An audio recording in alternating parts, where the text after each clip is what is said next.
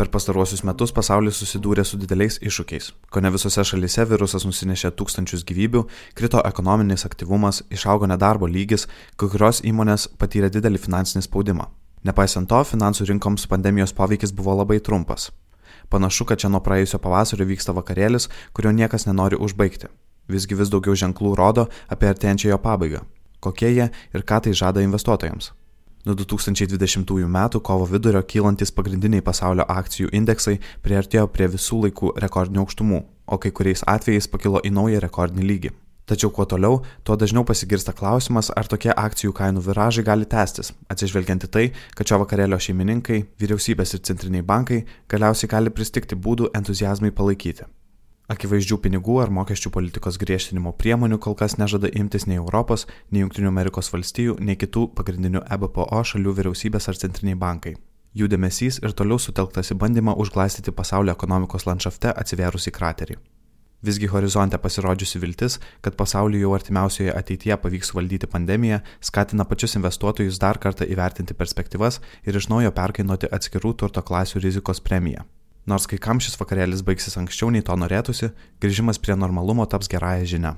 Pirmiausia, dėmesį atkreipia fenomenalus mažmeninių investuotojų aktyvumas pastaraisiais mėnesiais.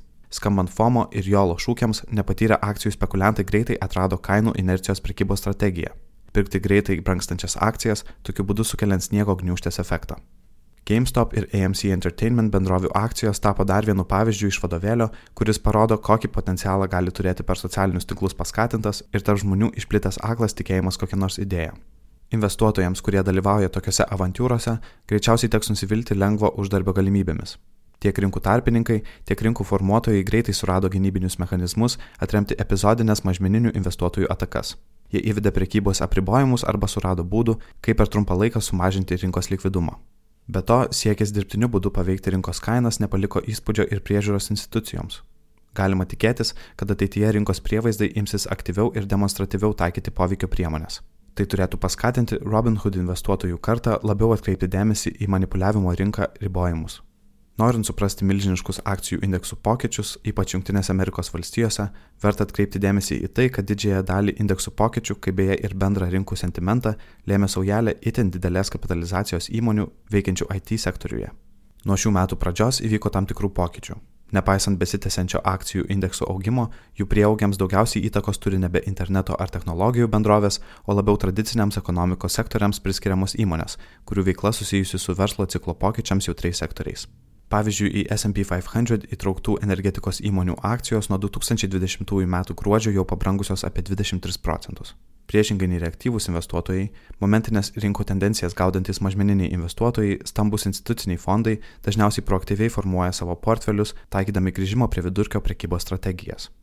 Dabartinė rotacija iš vadinamųjų augimo į vertės kompanijas gali būti paaiškinama tuo, kad artėjanti karantino pabaiga gali lemti staigų realios ekonomikos šuolį. Ji suteiks teigiamą impulsą tradiciniams verslams, labiausiai nukentėjusiems nuo fizinių kontaktų apribojimo ar lankytojų stygiaus. Verta paminėti ir tai, kad kylančios palūkanų normos labiausiai numuša augimo įmonių akcijų kainas. Didžioji jų prognozuojamo pelno dalis sukoncentruota tolimoje ateityje, o dabartinė vertė krenta labiausiai dėl augančios diskonto normos. Paguoda išmaniųjų technologijų gerbėjams gali būti nebent tai, kad net ir po pandeminėme pasaulyje daugelis verslų norės toliau dėkti skaitmeninius procesus, kurių infrastruktūrą kuria ir palaiko tos pačios numylėtos interneto kompanijos. Galiausiai netylančios kalbos apie infliaciją jau spėjo paspausti aukštyn net ir saugiausiamis laikomų vyriausybių obligacijų pajamingumus. Nepaisant šiuo metu krintančių obligacijų kainų, perspektyvoje matyti bent vienas netikėtas teigiamas šios tendencijos pašalinis poveikis - sugrįžtančios teigiamos palūkanų normos. Kita vertus, neigiamą pašalinį poveikį pajus kitos turto klasės, kurios įprastai laikomos apsauga nuo pinigų nuvertėjimo, pavyzdžiui, taurieji metalai. Taip pat saugaus prieglopščio nekilnojamo turto klasėje ir privataus kapitalo fonduose ieškoja ilgalaikiai investuotojai, greičiausiai turės iš naujo įvertinti turto alokacijos modelius, jei reali graža jau įvertinus infliaciją, fiksuoto pajamingumo instrumentuose pradės tieptis dar aukščiau. Šie metai pateiks nemažai iššūkių ir investuotojams mėginantiems susigyventi su normaliomis rinkomis ir vyriausybėms, kurioms teks patirti per pandemiją įgyvendintų pinigų ir mokesčių politikos priemonių šaltinį poveikį. Euforija, kaip ir po gero vakarėlio, visada nurimsta užleisdama vietą apsitvarkymui bei bilaiviam protui. Komentarą paruošė Svetbank finansų rinkų tarnybos vadovas Marius Ignotas. Garsino Kristijonas Vaičiukauskas.